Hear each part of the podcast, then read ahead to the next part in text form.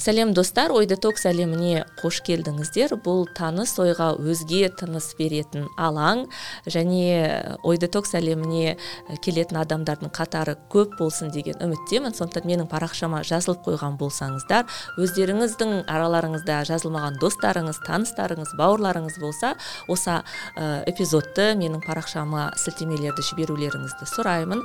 Сондай ақ ой детоксты қолдаушылар қатарына қоса аласыздар. Ол, ол туралы барлық ақпарат сипаттамада болады. Патреон арқылы патрон бола аласыздар. Каспи арқылы қандай да бір өзіңіздің ойыңыздағы соманы жібере аласыздар. Бұның бәрі ой детокстың жиі шығуына тың ә, тақырыптардың көтеріліп жаңа қонақтардың келуіне мүмкіндік береді. Ал ә, бүгінгі тақырып өте қызық тақырыптардың бірі. Мен өзім жиі айтамын. Әйел тақырыбы тіл тақырыбы дін жер тақырыбын ә, көп көтергім келмейді. Себебі бұл қоғам арасында өте қызу талқыға түсетін тақырыптар. Сонда да арасында осылай бой алдырып тұрамын. Ә, және бүгін сондай тақырыптардың бірі дін туралы сөйлескім келеді.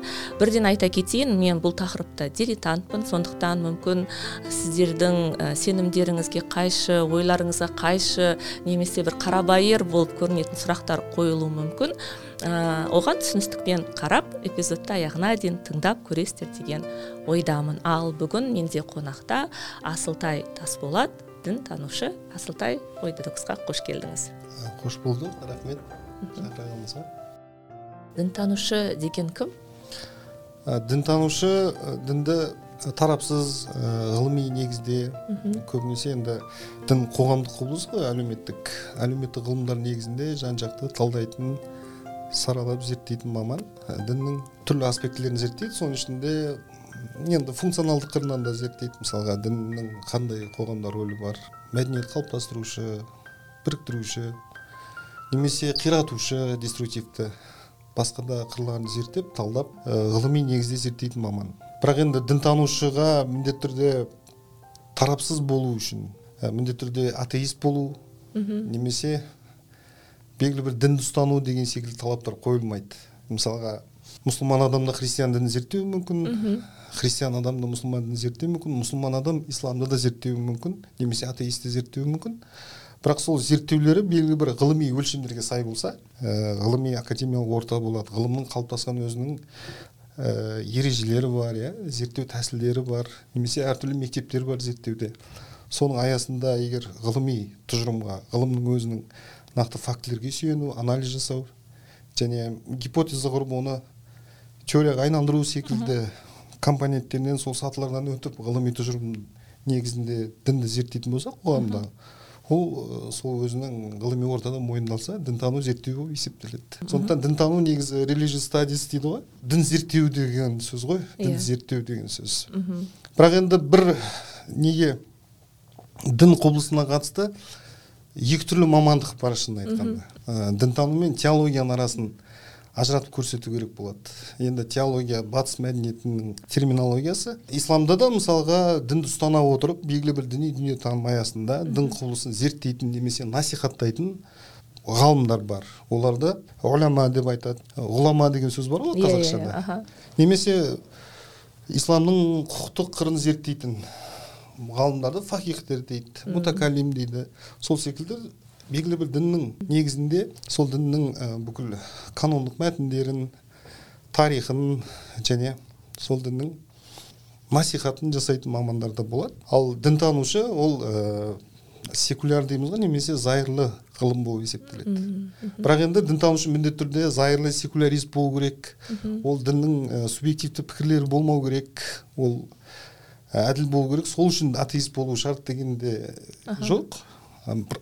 Қандай дін ұстанса да ұстанбаса да ол адам жеке мәселесі. Зерттеуде белгілі бір ғылымның өзінің қағидаларын ұстанса сол бойынша зерттеуі сапалы бір зерттеу болып шықса сол дінтанушы мен сіздің тедикстегі астанада өткен ә, выступлениеңізді көрдім.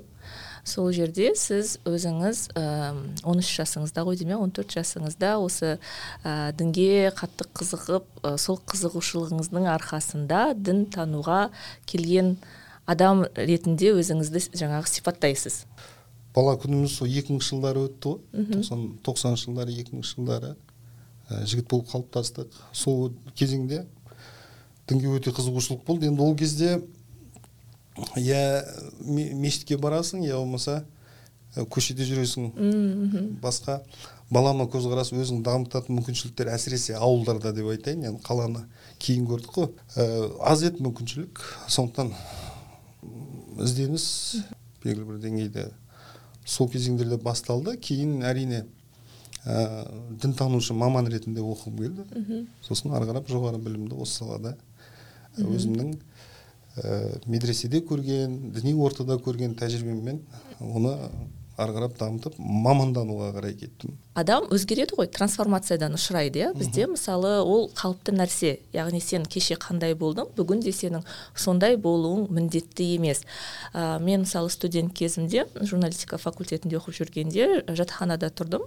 Ә, және ә, сол кезде менің қасымда тұратын қыздар кәдімгі орамал таққан намаз оқитын қыздар болды да. Және ә, мен де енді соларға қызығып бір бөлмеде жатқаннан кейін ораза кезінде ауыз бекітіп деген сияқты нәрселер болды. Бірақ кейін ә, кейбір группаластарым таныстарым орамал тартып орамалын шешіп жатты. Оны өзгелер ә, оған осы үшін сын тағып жатты. Мысалы адамның трансформацияға ұшырауы және көзқарасының өзгеруі ә, дінге ә, бой алдыру сосын ә, жоқ мен өзімді басқаша түсініп жатырмын деп бұл жолдан тайып кетуі мін ба немесе ол қалыпты жағдай ма? Мысалы дін тануда бұны қалай да бір зерттейтін ұғым бар ма түсіндіретін нәрсе бар ма?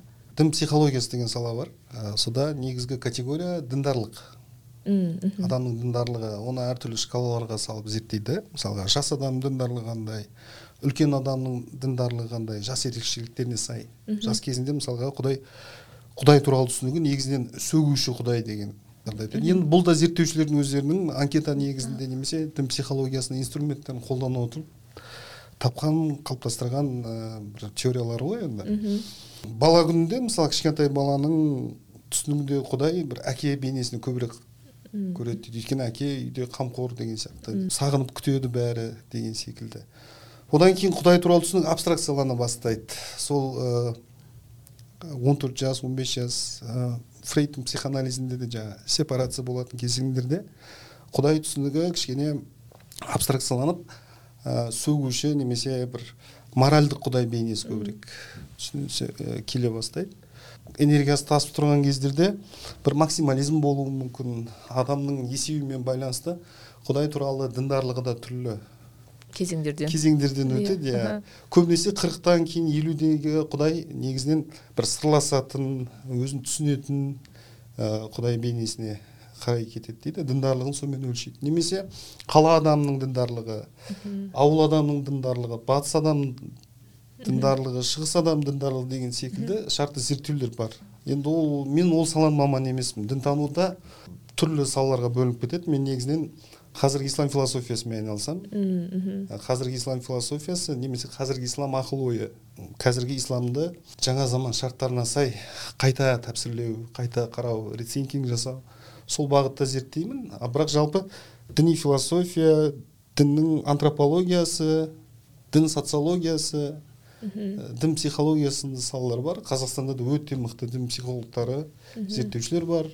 Қасырбек қалиев деген түркияда оқыған доктор менің әріптесім бар. Ол мысалға біздегі сол мұсылмандықтан христиандыққа өту христиандықтан мұсылмандыққа өту процесін зерттеп жүр қазақстанда. Сондай сондай оны да өзінің инструменттері бар. Дін психологиясы тұрғысынан дін социологиясы тұрғысынан қарастырады. Сондықтан ол адамға тән нәрсе. Саяси көзқарастарын да ауыстырып жатады мысалға адамдар. Дүниеге көзқарас құбылмалы ғой енді әртүрлі жағдай әсер етеді. Бірақ енді дінде дінді ауыстыру немесе діннен кету діннен шығу деген нәрсе мысалға өте адамда өте ауыр нәрсе. Ауыр психологиялық күй деп есептеймін. Өйткені құдай жазалаушы сипаты. Жаңағы немесе сол діни топтан басқа топқа ауысқан кездегі ортаның әсері деген мәселелер адамда ауыр психологиялық ә, бір қалдырады деп есептеймін. Бірақ енді мен ол саланың маманы емеспін сондықтан қысқа ғана осылай айтсам болады. бірақ бірақ жалпы асылтай не үшін дінтанушылар бізге керек? Жаңа сіз ғой түрлі бағыттар болады оны мен бәрін түсініп тұрмын да. Бірақ былай қарасаң ә, құранның мәтіні өзгермейтін сияқты. Ә, және ә, адамдар оны ә, бір зерттесе болды жететін сияқты. Не үшін оны үнемі ә, рефлексияланып тұру керек не, не үшін оны үнемі зерттеуіміз қажет? Енді құранның түскеніне енді мың төрт жүз жыл деп айтамыз ғой шартты түрде. Құдайдың адамзатпен бір тілдесуі. Енді монотеистік дәстүрде христиандық болсын ислам болсын яхудилік болсын тарихқа араласып отыратын құдай деген бір жақсы бір анықтаманы оқыған бір жерден ә, сонда құдай адамдармен тілдеседі оларға бір бағдар береді оны бір мессенджер яғни пайғамбар арқылы құдай сөзін жібереді кітап арқылы. Сол кітапты түсіну бар. Діннің тарихы негізі сол құдай жіберген эпистемологиялық негіз жаңа кітапты канондық мәтінді түсіну дәстүрі соны тәпсірлеу интерпретация дәстүрі. Интерпретация әртүрлі болады әркім әртүрлі түсінеді. Сондықтан мысалға құранды немесе құранның ә, хадисті діннің негізгі мәтіндерін ә, соған сенген соны құдайдан жетті деп пайғамбардың аузынан шықты деп сенген адам ол діннің ішінде мұсылман. Бірақ әртүрлі мәзһабтар әртүрлі фырқалар топтар әртүрлі аятты әртүрлі түсіндіруі мүмкін. Сондықтан ә, тахриф бил мағына дейді ә, мағынада өзгерістер болады. Бірақ мәтінде енді құранның ең соңғы нұсқасы сол ә, пайғамбардың ізбасарлары сахабалардың кезінде жинақталып шықты ғой. Содан бері ол сөзбе сөз яғни лафзи тұрғыдан ешқандай өзгермеген сөзбе сөз ал оны интерпретациялау дәстүрі бар. Сондықтан мәзхаб деген ә, дінді түсіну дінді интерпретациялау мектептері ғой. Соған байланысты пікір қайшылығы болады. Пікір қайшылығы болуы заңды деп есептеймін. Өйткені пікір қайшылығы болмаса кейде тіпті ислам дәстүрінде мынандай бар. Ихтиляф дейді жаңағы пікір қайшылығының болуы ол құдайдың ерекше мейірімі деп те түсіндіретін ғалымдар бар. Өйткені пікір қайшылық болған жерде әртүрлі түсінген кезде әртүрлі деңгейдегі адамдар үшін философтар мысалға терең мағыналы нәрселерді таңдаулы ғалымдар түсінеді. Жалпы ауам деген бір сөз бар. Енді жалпы халыққа оның ә, сыртқы захири мағынасын түсіндіру керек деген секілді де ойлар бар. Сондықтан және әр заманға сай жаңа интерпретация қажет болады. Пайғамбар заманында көптеген үкімдік аяттар ол сол жердегі халықтың белгілі бір проблемасын сол контекстте шешу үшін. Негізгі мұраты бір проблема шешу үшін болған. Ол проблема қазір де бар. Бірақ қазір оған қолданатын инструменттер пәтуалар дейміз ба жаңару қажет деп түсінетін нәрселер бар. Сондықтан ол интерпретация тоқтамау керек. Ә, мәтінді өзгертіп тастамаймыз дейді. Ә, модернисттер де айтатын сол. Мәтінге жаңаша көзқарас керек. Интерпретация жаңа болу керек деп айтады. Сондықтан діннің тарихы деген сол өнерде де интерпретация. Қойылым болады бір музыка болады немесе әртүрлі шығармалар болады әркім әртүрлі түсінеді. Сол секілді дінде де сондай құдайдың сөзін түсінуде түрлі мектептер қалыптасқан пікір қайшылығы болады. Әрине діннің тарихы тек қана ізгілік деп айтып жатамыз бірақ бәрібір тарихта діннің қиратушы соғысқа себеп болған кездер де бар. Немесе діннің саясатқа айналдыруы бар діннің саясилануы деген нәрсе де бар. Оның бәрі бар нәрсе. Соғыс құмар адам ә, белгілі бір жерді жаулау үшін халықты бір соғысқа жұмылдыру үшін дінді құрал ретінде қолдануы әбден мүмкін. Немесе дін өзі ізгіліктен гөрі жаңағы жек көру дұшпандық деген нәрсені таратуы да мүмкін. Сондықтан ол дін құбылысын қоғамдағы бар құбылыс ретінде одан қашпау керек және оны зерттеу керек талдау керек талқылау керек. Сонда ол қоғамға түсініктірек болады. Яғни бұл үздіксіз процесс болып тұр ғой. Процесс иә. Ал бірақ ә, дінді жақсырақ танығысы келген адам мысалы ә, жаңа сіз айтып жатырсыз ғой түрлі бағыттар бар түрлі салалар бар. Енді ол үлкен ауқымды нәрселерді дінді танығысы келген адам неден бастау керек не істеу керек? Мен енді бір ә, дінді белгілі бір діни дүниетанымды насихаттаушы бір ғалым ғұлама емеспін. Мен ешқандай ешқашан ондай бір жауапкершілік алған емеспін. Бірақ енді діннің мазмұнын мәнін түсіну үшін соның мәтіндерін оқу керек. Ә, сол саладағы адамдардан сұрау керек. Көлденең көк атадан сұрауға болмайды деп айтып жатады ғой енді. компетенциясы бар адамдар өзі білініп тұрады ғой. Солардан сұрау керек. Және ең бастысы менің көзқарасымда ақылға салып ойлану керек. Дін әрине белгілі бір сенімге негізделген дүниетаным формасы көп жерде.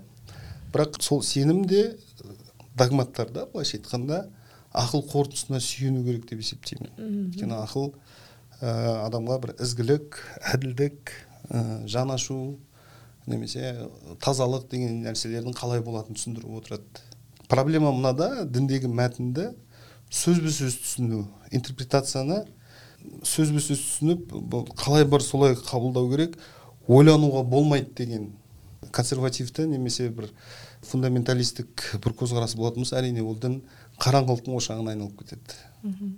Иә айтады ғой қызық сендер неғып сұрақ қоя бересіңдер ол сұрақтарға жауап о бастан белгілі деп айтатын адамдар да бар ғой. Енді сұрақ қойылу керек деп есептеймін өйткені ол сұрақ қою ә, ізденіс қой. Мхм. Дінге қатысты кейбір сұрақтар ізденіс. Сол ізденісті адам қанағаттандыру керек. Қанағаттандырмаса ол болмайды деп есептеймін. Яғни құранда біздің барлық сұрақтарымызға жауаптар жоқ қой. Күмәнға орын бар ғой. Барлық сұрақтарға жауап болуы мүмкін емес. Құранда негізгі фазлур рахман деген кісінің көп айтып жүрмін. Осы major themes of the Quran деген еңбегі бар. Құрандағы басты тақырыптар ғой негізгі тақырыптар деген. Соның ішінде мысалға монотеизм. Әлемді жалғыз құдайдың жаратуы басқаруы ә, осы әлеммен ә, захири батыни дейді ғой жаңағы. Ішінде де тысында да болуы адамдармен қарым қатынасы адаммен тілдесуі деген мәселелерді қарастырады. Екіншісі пайғамбар өмір сүрген қоғамда одан кейін пайғамбар меккеден мәдинаға кеткен кезде ол қоғамда не жетіспеп еді? Ол қоғамда әділдік жетіспеген еді. Ол қоғамда пайғамбардың өмірі де және құрандағы негізгі қағидалар осы әлеуметтік экономикалық әділдікті орнату тұрғысынан деп қарастырады ол кісі. Үшіншісі арабтардың мифологиясында немесе әдебиетімен байланыс әдебиетінде ә, шайырлық дәстүрінде ақирет түсінігі болмаған дейді. Терең бір ақирет туралы түсінік болмаған. Мысалға жанында тиіп тұр египетке барсаңыз ә, одан мұса пайғамбар сол кезде өмір сүрген деп шамамен айтылады ғой. Діні тек қана көне египет діні тек қана ақирет түсінігінен тұрған мысалға. Арабтарда ол жоқ. Арабтардың сол ақирет түсінігіне байланысты. Ақирет тегі ұлы сот осы дүниедегі істеген амалдарымыздың барлығын сол жақта таразыға тартылуы секілді. Осы үш басты тақырыптың аясында және ол ол тақырыптар әртүрлі тақырыпшаларға бөліне береді ғой енді. Кейіннен соның бәрі қамтылған. Осындай басты тақырыпқа қалыптасады да принциптер қалыптасады да соның аясында сіз қазіргі қоғамда да өмір сүре отырып жаңа құндылықтар өндіруіңіз керек.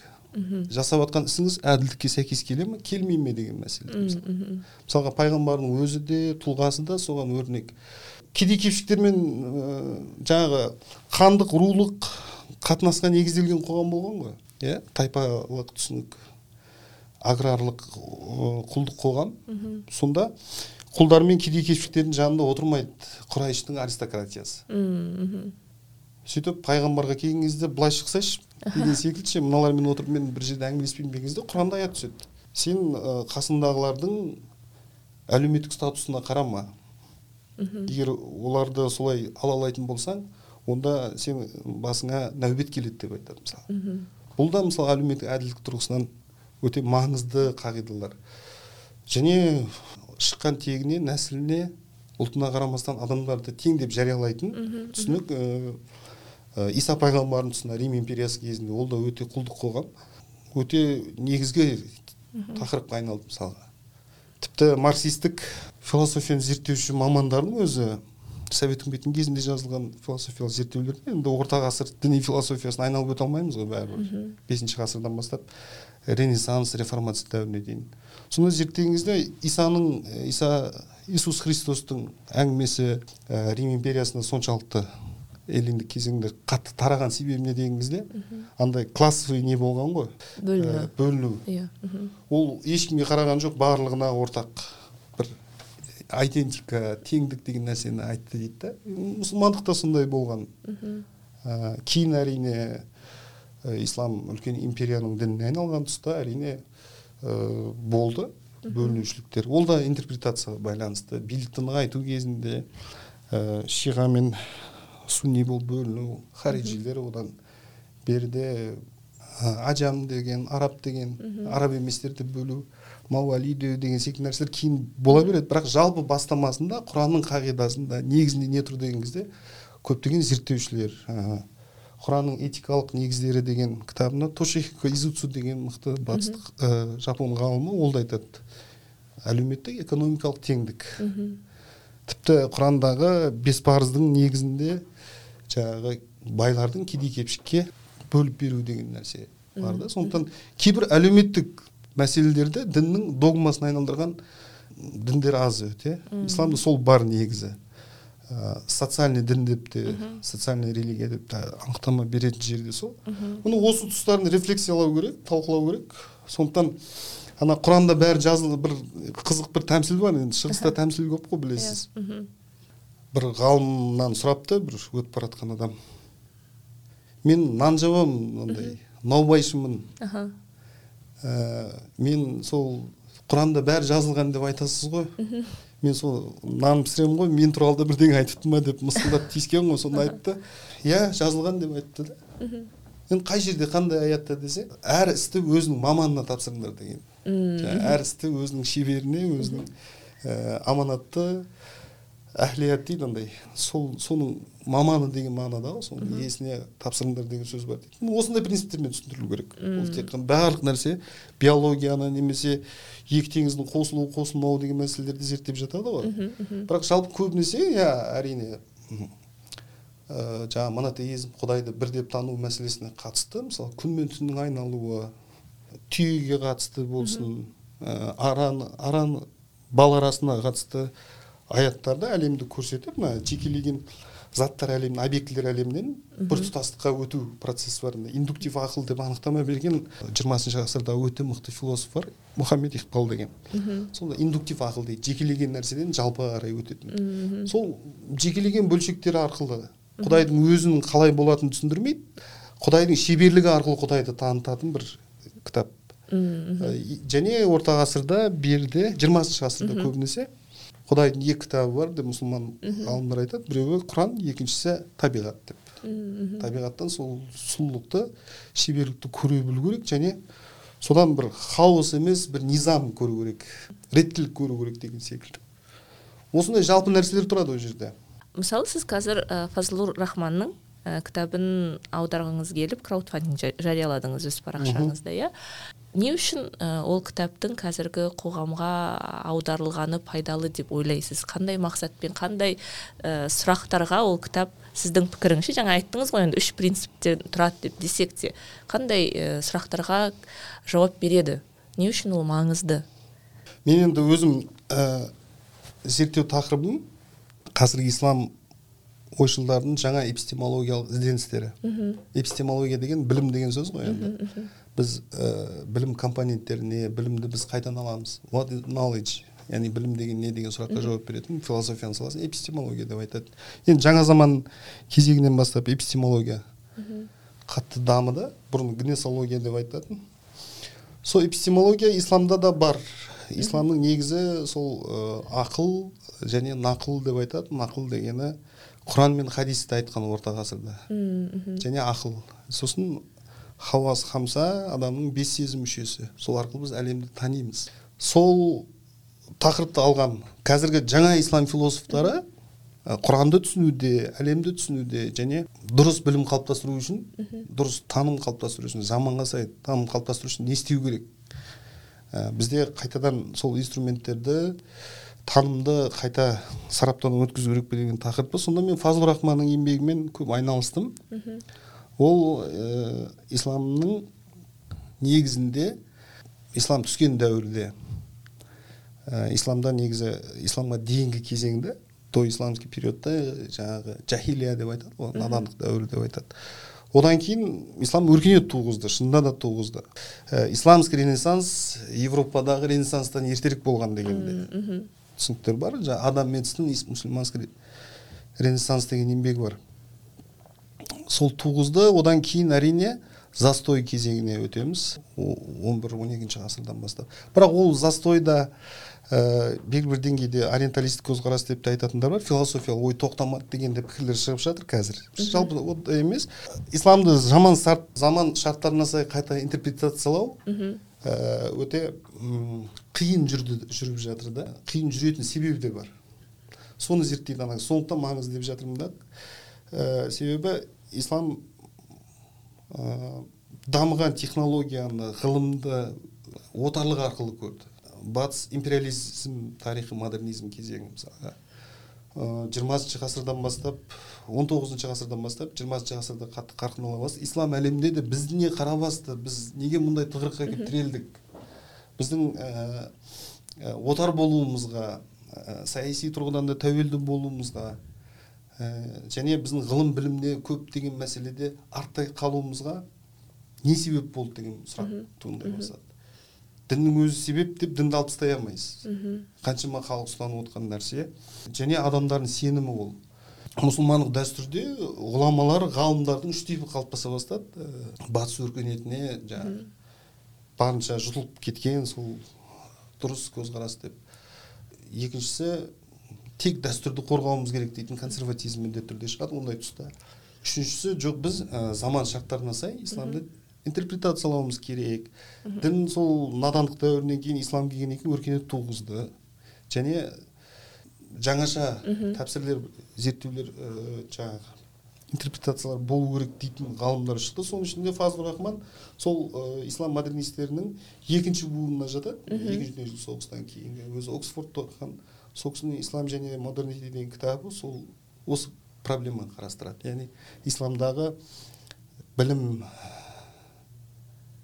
қалыптастыру тарихы білім беру тарихы интеллектуалдық дәстүрдің қай жерде қандай проблемалардың бар екендігін сыны және қазіргі бағытымыз қалай болу керек екеніне қатысты сондықтан мен қоғамда бұны бір балама көзқарас ретінде альтернатива ретінде тұрсын ә, дінтанушы мамандар да жалпы халықта дінді бір сау ақылмен зерделеп оқығысы келетін адамдар үшін қосымша бір мәлімет көзі болып аударылу қажет деп есептедім. Себебі бізде ә, енді мен академияда да жүрген адам ретінде білемін ә, қазіргі ислам философиясы немесе қазіргі ислам ақыл ойы пән ретінде оқытылмай жалпы ислам философиясын бір бағыт ретінде аз ғана оқытылып кетеді.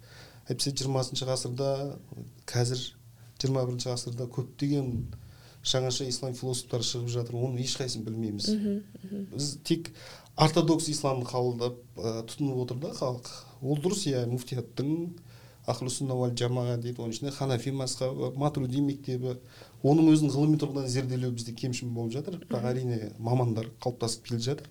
Бірақ онымен қоса қосымша осындай қазір ислам елдері және батыста мұсылман қауымдастықтары өркениетті жолмен кетіп бара жатқан жаңаша ізденістерден де халық хабардар болу керек деп есептеймін.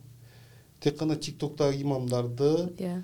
ә, немесе өте консерватив көзқарастағы және кәдімгідей әйелді қисық қабырғадан жаратылған әйелдерді бір әлсіз эмоциясы тұрақсыз оларды алдап қою керек дейтін көзқарастағы трансляциялап отқан молдалар қазір мейнстримге айналып кетті мысалы. Ол қоғамды өркениетке мәдениетке жаңа ғылымға бағыттау үшін ертең жаңаша көзқарастар қажет деп есептеймін. Сол тұрғыдан бұл кітап негізгі осы ғана бізді жолдан алып шығады деген ондай бір жауапкершілікпен немесе бір ә, бір қалай десем екен? Адамзатты бір ақиқатқа қарай бастаймын деген көзқараста емес. Бірақ енді бірінші жазған нем ана діни қараңғылықтан деген құтқаратын деп жаздым ғой сол бір. Өзіме үлкен бір жауапкершілік арқалап сияқты өзімде. Бірақ енді бір назар аударту үшін түбінде де сол ғой негізі. Солай жазылды кейін ойладым иә мен қатты громкий заявление жасап жібердім ба деген сияқты ой келді. Бірақ иә дұрыс бізде дінді түсінуде жаңаша методтар керек. Христиандықтың проблемасымен салыстырып жазған өте мықты ойшыл бар бірақ толықтай келісе бермеймін кейбір көзқарастармен бірақ мына көзқарасымен келісемін. Ә, христиандықта теологиясында проблема бар деп есептейді мұсылмандар бар деп есептейді. Сонда айтады үштік сенім дейді ғой жаңағы традиция. Ә, әке құдай бала құдай және киелі рух деген иә. Соны жалпы үштік құдай түсінігі да қанша жерде монотеистік бірақ бәрібір солай түсіндіріледі құдайдың сипаты. Құдай ерекше халықты жақсы көргендіктен исаның кейпінде жаңағы келді деп айтады да. Мысалға соны адамдар қабылдай алмайды. Сұрақ қояды бұған. Қалай ол? Бір құдай біресе баласы болып кетеді біресе әкесі болып кетеді деген кезде ол құдайдың әртүрлі бейнеде эпостасиясы деп көрсетті да. Сондықтан христиандықта догма маңызды болды. Өте қатты догма. Осы догматты қабылдайсың деген секілді. Және ғылымға неге бір ә, сондай кезеңдер болған европада. Кейін әрине оған қарсы секулярлық секуляризм қатты күш алып кетті. Негізі секуляризм басында шіркеудің әлеуетін әлсіретіп шіркеу бір мемлекет болып кеткен ғой өз алдына. Надгосударственный бір үлкен неге айналып кеткен құрылымға айналып кеткен.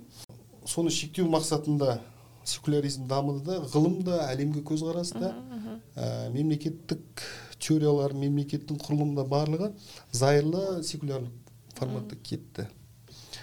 Ә, исламда дейді сол ғалым айтады исламда дейді ә, кез келген ойлануға шақыратын аяттарды қарайтын болсаң бірінші ойлан дейді одан кейін барып сол арқылы сенімге қарай жүреді ай мен түннің ауысуы туралы айтып келеді да енді неге сендер ә, осыны көріп тұрып ә, жаңағы иман етпейсіңдер деп айтылады. Солай болып береді дейді. Кейін он екінші он үшінші ғасырларда ә, философияның сыны қатты күшейіп кеткен кезде ойлансаң адасып кетесің. Мына догматтар бар. Тек сол догматтарды қабылдауың керек деп. Сол христиандықтың жолымен жүріп кетті. Әйтпесе өркениетті туғызып тұрған дін еді деп түсіндіріледі да модернистерде сондай бір көзқарас бар. Исламның ойлануға шақыратын ақылға негізделген эпистемологиясының негізінде жаңағы ақылға салып ойлан тіпті құдайдың сөзін де түсіну үшін адамда ақыл болу керек. Ақыл қабілеті жоғары болу керек. Үнемі соны дамытып отыру керек. Соған ақылыңа хитап жасайды жаңағы кітап деп түсіндіретін дәстүр бар. бірақ енді ә, тарихта сол ақыл мектебі жаңағы нақылшылдар жоқ. Ақылға салсақ адасып кетеміз дейтін мектептердің арасында көптеген диалектика жүрді өзі.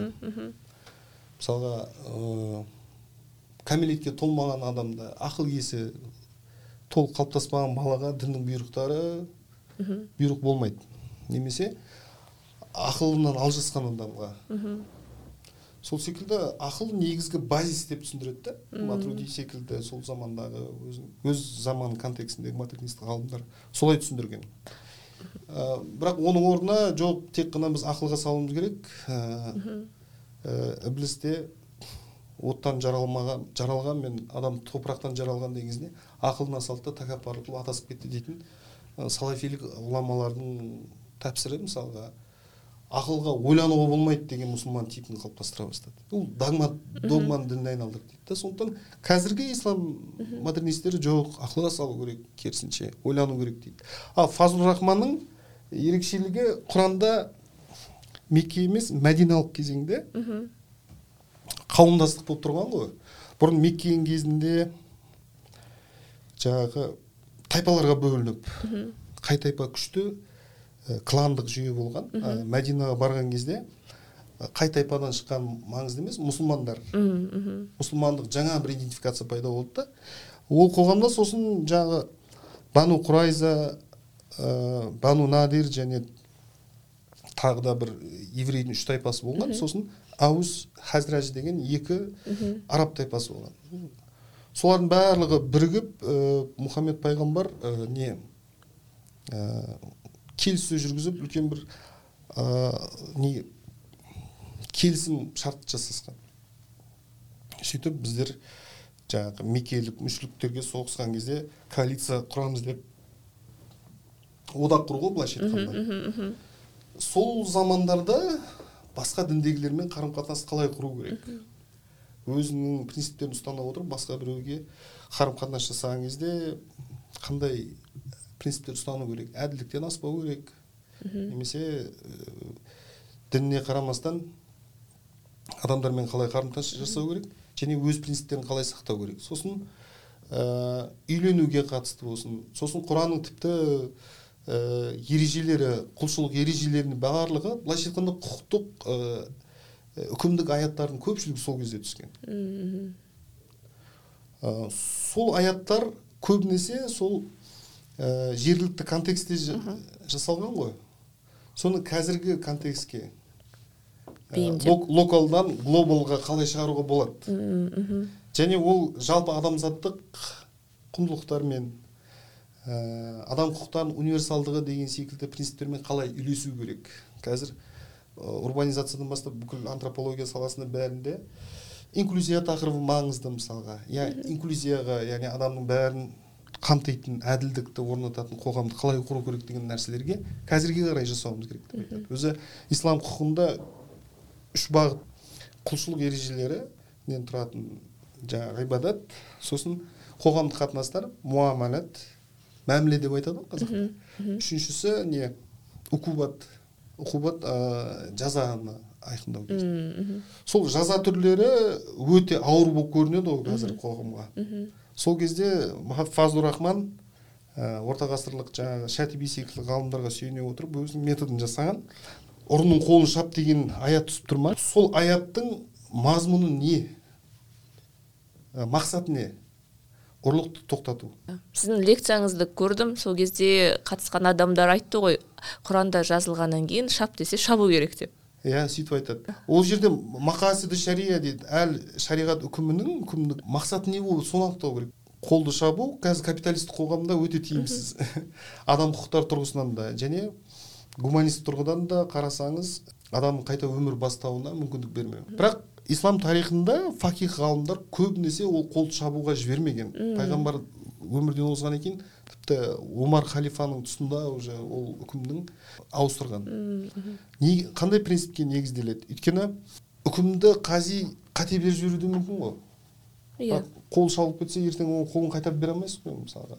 Ол бар одан бөлек ұрланған зат соншалықты адам қолын шабатындай мөлшерін де анықтау керек болған. Бір дирхем жаңағы деген секілді. Ол мәселелер бар. Сосын қазіргі заманда үкімді біз құрандағы жаңағы ұрлықты адамзатқа құдай алдындағы ең үлкен жаза деп анықтау оны қабылдауымыз керек. Жаңағы аяттың контекстінен қарайтын болсақ. Ал қазір ол үкімдің ә, жаза түрін өзгертуге болады деген мәселе шығады. Өйткені ол мына нәрсені түсіну керек та ол қоғам аграрлық қоғам пайғамбар өмір сүрген қоғам. Ол қоғамда түрме институт жоқ. Иә. Ал сен ә, ұрлық жасап жатқан адамды жаза түрін қолданбасаң ол жерде ұрлық тоқтата алмайсың қазір жиырма бірінші ғасырда да қолды шабу жазасын қолданатын елдер бар. Ә, мұсылман болмаса да өлім жазасы әліге дейін бар мысалға. Сондықтан осындай контексттен қазіргі контекстке сай жаңа шешімдерді шығару ол не интерпретация өзгереді бірақ үкімді өзгерту болмайды дейді. Бірақ енді консерваторлар оған қарсы шығады әрине. Сен құран үкіміне қарсы шығып отырсың дейді.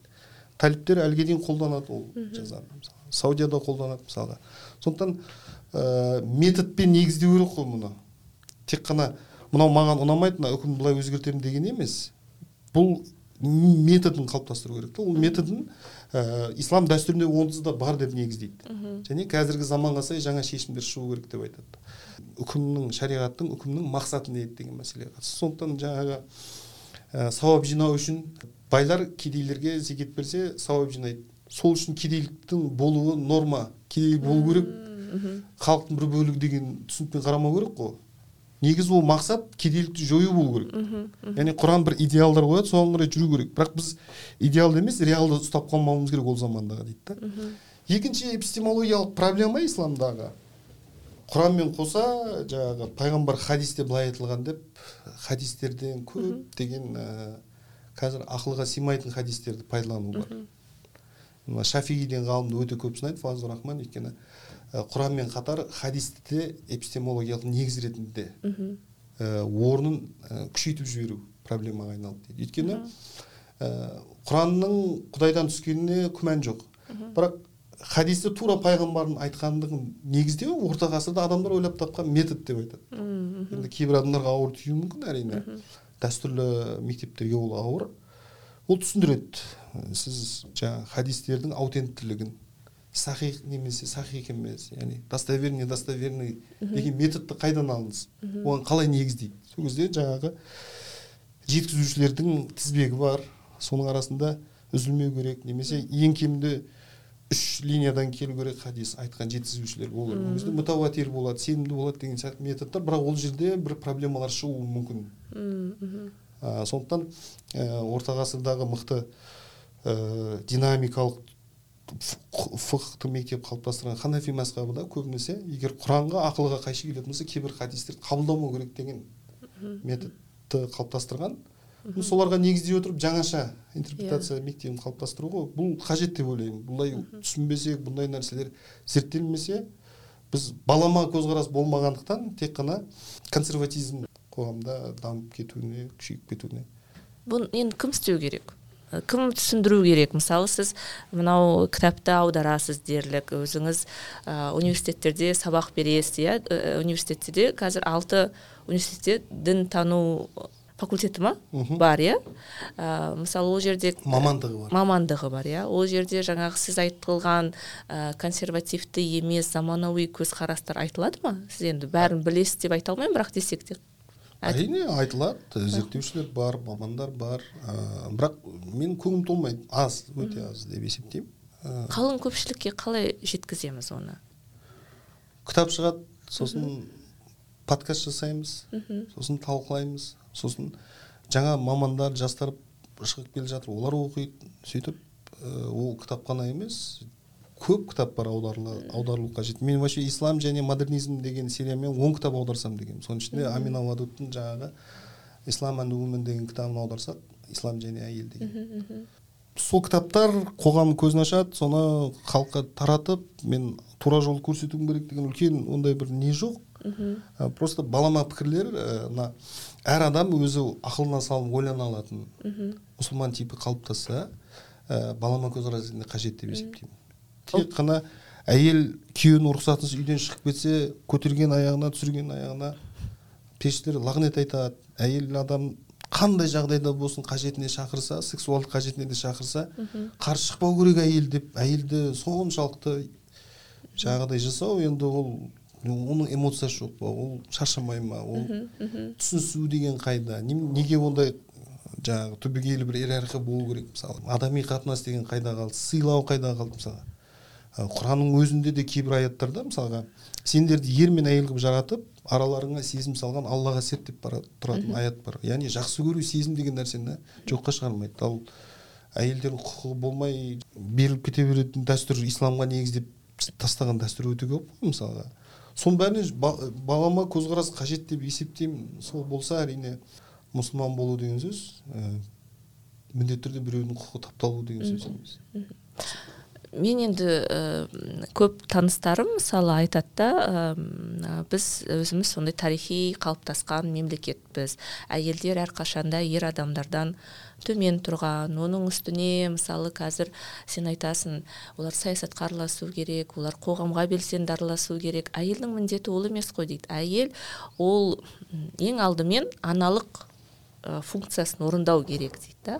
Ал жаңағы қоғамның өміріне белсенді араласса ол ұм, еркек сияқты болып кетеді деген сияқты пікірлер бар. Мысалы ә, оранатын оранатын қыздар иә дінге келетін мен таныстарымның көбісі сол үшін үйде отырғанды қалайды жолдасының айтқанын істегенді қалайды ә, сырт қызмет сырттағы тірлік ол ер адамның міндеті функциясы деп деген қағиданы ұстанады да және соны насихаттайды. Енді бұл жерде кішкене стигма кетіп қалған сияқты сізден. Оранатындар деген. Мен шетелде жүргенде де басқа жерде оранатын бірақ өте белсенді. Иә yeah, бизнес жасайтын әйелдерді көргенмін бізде енді орамал тақса біз ассоциация жасай yeah. береміз да. Енді мен орамал дауына қатысты көп кіргім келмейді бірақ енді жалпы әйелдің табиғатын ә, основательно антологиялық тұрғыдан түсіндіру қажет деймін да. Құрандағы мысалға әйелді де жаңағы қисық қабырғадан жаратты деген аят жоқ. Әйелдер еркектен төмен тұру керек деген аят бар. аят бар. Аятқа қатысты интерпретация тәпсір деген ғылым саласы бар ғой өзі исламда тәпсірде негізгі ахлу жамаға ортодокс исламдағы негізгі ғалымдар ибн хазм секілді тәпсірші ғалымдар да көбінесе сол заманның контекстінде ә, сол ә, христиандық дәстүрде бар және хадистерде бар әлсіз хадистерде деп айтады кейбір.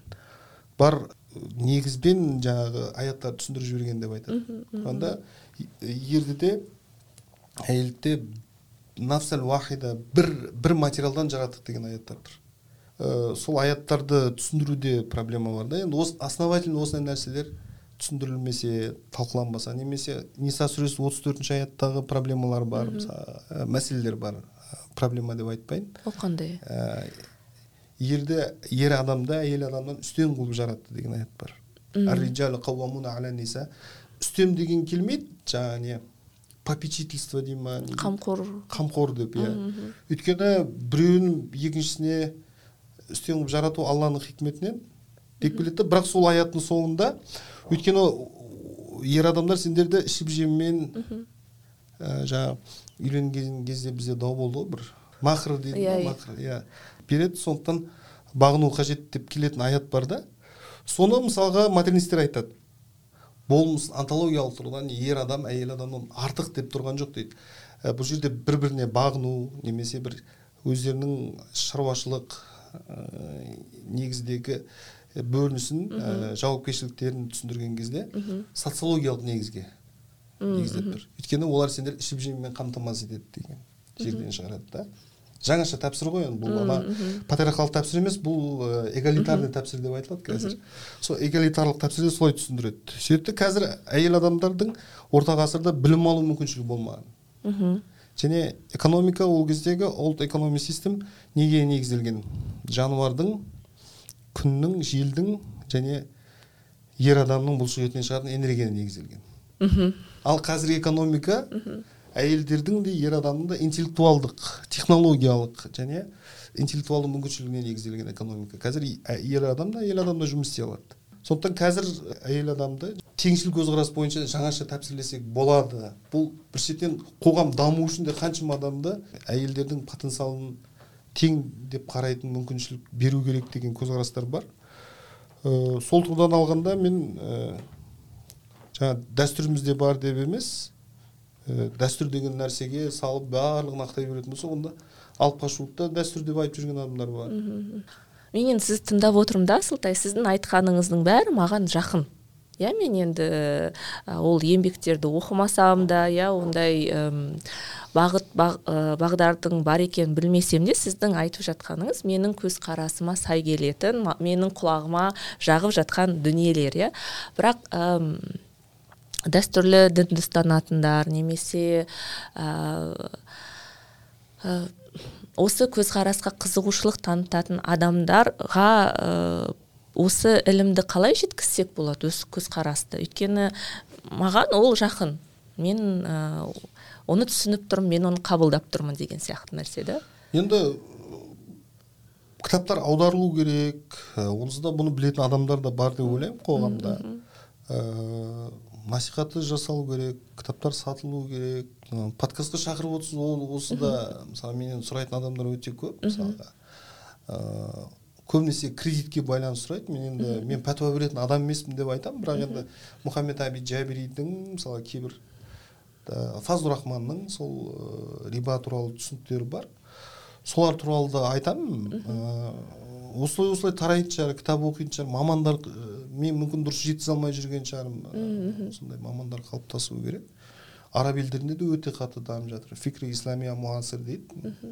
Contemporary islamic thought деп айтады. Ә, қазіргі ислам ақыл ойы жаңаша ізденістер қажет. Көп нәрсені сол ә, историцизм методы деп айтады. Ә, араб қоғамында құран аяты түсіп жатқан кезде ол қоғамда өте динамикалық өте прогрессивті болған. Дін яғни күнделікті проблемаларына шешімді ә, көз алдында пайғамбар ә, алламен уахи ала отырып жаңағы ревелейшн шешім жасап отқан және өте әділдікке сай жасады дейді көп. Ә, кейбір қателескен тұстарын түзеп отырған мысалға. Енді дәл қазір біздің алдымызда күнделікті вопростар туындап жатыр ғой. Біз соны сол құранның принциптеріне қайшы келмейтін негізде жаңа нәрсені ойлап табуымыз керек қой. Ал жоқ мынау құранда бар ма жоқ па деп қарайтын болсақ онда ештеңе құранда жоқ. Құранда мына жерде тұрған бірде бір аппарат жоқ мысалға бірақ бұл не үшін қызмет етіп отыр? Десек құранға қайшы ма қайшы емес пе деген принцип керек та негізі. Өмірде жаңа нәрсені көріп жатсың сен жетінші ғасырда өмір сүре алмайсың ғой сүннетті ә, нені дәл сол қалпында сақтау үшін. Вот сондай яғни үнемі шешім тауып отыратын үнемі ойлана алатын негізгі принциптерді айқындап соның аясында жаңа мәдениет қалыптастыратын модернистік прогрессивті динамикалық түсін қалыптастыру керек дейді ғой бұл философтар. Осы нәрсе жоқ қазір дейді. Бір нәрсеге айтсаң мынау құранда бар ма жоқ па немесе шейхтарымнан сұрап келейін. Ә, сосын пәтуаны беріп отыру мысалға. Енді пәтуаны беру әрине ғұламалардың ісі ғой дұрыс. Бірақ адам ақылмен де шешетін бірдеңе қалдыру керек қой. Адам мұсылман адам неге ақылына салып өзі шешім таппау керек мысалға бізде мынандай түсінік қалыптасып бара жатыр мен қоғамда байқаймын. Дінге сенетін адам прогрессивті болу мүмкін емес деген. Иә. Ә, немесе атеизм тең өркениет немесе бір даму деген сияқты ше. Бұның бәрі де стереотип бір стигмалау болуы мүмкін да мысалға. Мұсылман адам ол дін дінмен байланысты құдаймен байланысты қыры ол күнделікті өмірде өзінің жеке мәселесі. Ал ол ғылым саласын меңгеруі мүмкін технологияны меңгеруі мүмкін айти саласында мен қаншама жігіттерді көрдім мысалға. Ақылға ойлансаң жаңа нәрселердікі мынау кәпірлердің жасағаны мына нәрсе дұрыс емес деп қабылдау. Немесе модернизация яғни даму ілгерілеу прогрессив дүниенің бәрін вестернизация батысқа айналу деп қабылдау ол бар әрине ол. Бірақ бүкіл мұсылмандар ондай емес қой. Және атеисттің бәрі бір ғалым емес қой мысалға. Иә иә. Иә. Сондықтан ол жеке мәселесі болып қалу керек та. Бірақ осындай ойлануға мүмкіндік беретін және адамды шектемейтін шектегенде қалай? Жамандықтан тыяды әрине бірақ жақсы нәрселерден де тыймайтын бір түсін қалыптастыруға болады деп есептеймін. Модернистерді оқығанда мен таң қалдым өзіме үлкен жаңалық болды. Аяқ астынан случайно бір неге жиынға кіріп кеттім сол кезде аминоводы талқылап жатқан екен. Ә, енді ол жерде пікір әсіресе академияда пікір алуандығы өте жоғары ғой. Бір біріне қарсы көзқарастағы ғалымдар жеке басқа өтпей талқылап отыра береді. Кейде талқылап бір бірін айқайлап та кете береді сонда жаңағы ниса сүресі отыз төртінші аят rereading of Quran by women's perspective деп айтылады. Құранды әйелдердің перспективасынан қайта оқу. Сол методы бойынша мына жерде былай деп тұр енді бұны қалай түсінеміз деп талқылап жатқан. Сол кезде қызықтым. Сөйтсем ә, екі методқа негіздейді екен. Біреуі контекстуал оқу құранды екіншісі интратекстуал. Контекстуал деген құран түскен замандағы әр аяттың түсу себептері бар аспабы нұзул дейді. Соған сай қайта түсініп қазіргі заманға сай контекстке қайтадан стерцизм методы бойынша херменотик дейді ғой түсіндіру. Ол ислам дәстүрінде бұрыннан бар. Насих мансух методы дейді басқа дейді. Екінші интратекстуал деген былай құрандағы негізгі тақырыптар үлкен тақырыптарды қалыптастырып ә, негіздеп алып соның аясында қалған аяттарды түсіндіру.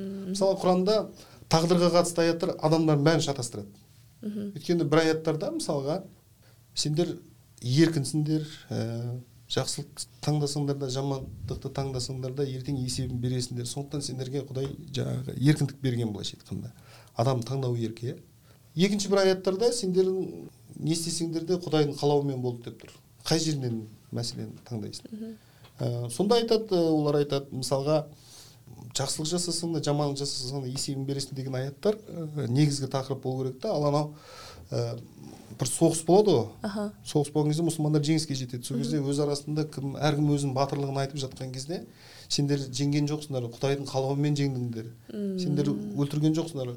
Құдай сондай неғылғандықтан өлтірдіңдер деп түскен аяттар бар ғой. Сол кезде айтады ол жерде ситуациялық аят ол жерде мұсылмандар дандайсып кетпесін деген моральдық бір императив тұр еді дейді.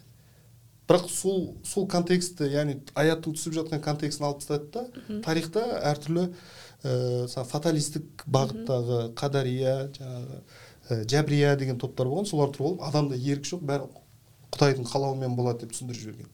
Негізі ана ә, сендерде құдай ерік берді сендер жақсылық жасасаң жамандық жасасаң соның негізінде түсіндірілу керек еді ана аят. Сондай интратекстуал методтарды алған ғой. Мысалға бір аятты алсаң құранда жаңағыдай деп тұрады. Бірақ ол құранның тұтастығы тұрғысынан және құрандағы теңдік әділдік деген ережеге салатын болса оны жаңаша түсіндіруге болады. Сөйтіп интратекстуал оқу методы арқылы мүлдем күтпеген бір дәстүрлі мектептерде де бар мұны зерттеген адамдар? Басқаша бір заманауи бір прогрессивті көзқарастар алып келген. Және 2005 жыл ма нью йоркте ғой деймін бір мешітте әйел имам шығарған ғой. иә, сол үшін үлкен иә. батыс қоғамында да салафиттер салафилік недегі консервативті көзқарастағы адамдар бар ғой көп қуғынға не ұшырады неге сұраған ғой? Жаңағыдай сұраған мүмкін жаңаша көзқарас ол. Мен зерттеуші ретінде көбінесе тарапсыз ә, барынша қарастыруға тырысамын. Және бұл кітаптардың жаңа мен айтып жатқан фазлur рахманның методы зерттеулері қоғамға тараса пайдалы болады дегендіктен. Иә түсіндім. Бұл енді ауқымды тақырып та шын мәнінде ә, мен мен менің тарапымнан да көп білместік болғаннан кейін ұзақ талқылауды талап ететін дүние болып отыр ғой. Бірақ ә, соңғы бір сұрақ қояйыншы жаңа сіз бір сөзіңізде айттыңыз иә стигмалар көп. Бізде яғни орамал тартқан қыз ә, прогрессивті емес деген сияқты түсінік бар. Немесе атеист болса ол прогрессивті деген сияқты. Қорқыныш бар екенін растаймын қоғамда иә. Ол түсін, білместіктен түсінбеген нәрсеңнен қорқатын ә, дүниелер көп қой. Қалай мәмілеге келуге болады? Қалай неге бізде сол қорқыныш бар және сол қорқынышты қалай жеңеміз? Мысалы қыздардың бәрі орамал тартып кетсе ә, афганистан болып кетпейміз ба деген сияқты нәрсе ғой. Иә дұрыс айтып отырсыз иә. Дін қоғамдағы құбылыс қой. Тура сол секілді діннен бөлек те тақырыптарда адамдар ә, бір бірімен жаңағы келісімге келу немесе ортақ бір ә, шешімге табу үшін диалог маңызды ғой диалог маңызды бір бірін тыңдай білу маңызды. Ә, сондықтан біздің қоғамда да осындай рефлексия және бір бірін тыңдау диалог деген нәрсе маңызды болу керек деп есептеймін. Және зайырлылық принцип бар ғой зайырлы мемлекет. Соны мемлекет сол бағыттан айнымау керек. Және сол кезде ешбір дін бұл жерде ерекше статусқа ие екендігін әкімшілік немесе билік инструменттерін пайдаланып екінші бір бірін басып жаншу деген мүмкіндік бермейді тек қана осылай талқылау мүмкіндігі болатын болса қоғам бір бірін түсініседі деп ойлаймын. Заң бар жерде заңнан аттамайды деп ойлаймын. Ал заң біреулер үшін жақсы жұмыс істеп біреулер үшін жаңағы иә. дұрыс жұмыс істемейтін болса онда билікке экстремистік немесе радикал көзқарастағы адамдар келетін болса онда диалог деген нәрсе болмайды. Және ол тек қана әкімшілік ресурспен ғана емес ә, талқылау болған жерде ә, кітап оқитын қоғам бар жерде әсіресе осы дін тақырыбына қатысты мәселелерде бір талдап талқылап жаңа нәрселерді оқып отыратын адамдар болатын болса ә, дұрыс шешім табылатын шығар деп ойлаймын. Және бұл әртүрлі көзқарас болуы заңды иә, иә. нәрсе. Сіз қорықпауымыз керек. өнер туындысы да ә, болса да мысалға режиссердің ойынан шыққан бір туындыға қатысты әртүрлі көзқарас болады. Тура сол секілді құдайдың сөзіне де қатысты интерпретация көп. Мәсхабтың бәрі сол интерпретация дәстүр рахмет асылтай. Алтындай уақытыңызды қиып келгеніңізге. Өте пайдалы ақпарат болды. Әлеуметтік желіде жиірек жазыңыз осы тақырып аясында. Енді айтады ғой бұл да бір қазір сауаттандырудың өзіндік құралы. Иә құрметті достар мен де сіз мен де асылтайдың краудфандингіне қосылдым. Фазлур рахманның кітабын қазақ тілінде оқығым келеді. Сіздер де осы қатарға қосыл қосылады деген сенімдемін. Сондықтан ә, сипаттамада барлық ақпаратты қалдырамын. Міндетті түрде асылтайдың парақшасына кіріңіздер постты оқыңыздар және мүдделі болсаңыздар көбірек осы модернистік көзқарастағы иә кітаптарды оқығыларыңыз келсе осы краудфандингке қосылуға сіздерді шақырамын. Және ой детокстың осы эпизодын аяғына дейін қарадыңыздар деген тыңдадыңыздар деген үміттемін. Тыңдаған көрген қосымшаларыңызда менің ә, подкастымды міндетті түрде бағалап кетіңіздерші. Пікір қалдырыңыздар. Бұл мен үшін менің жұмысым үшін өте маңызды. Сондай ақ ой детоксты қолдаушылар қатарына қосыла аласыздар. Оны патреон арқылы және каспи арқылы жасай аласыздар. Барлық ақпарат сипаттамада болады. Келесі сандарда эпизодтарда аман есен көріскенше естіскенше сау болыңыздар.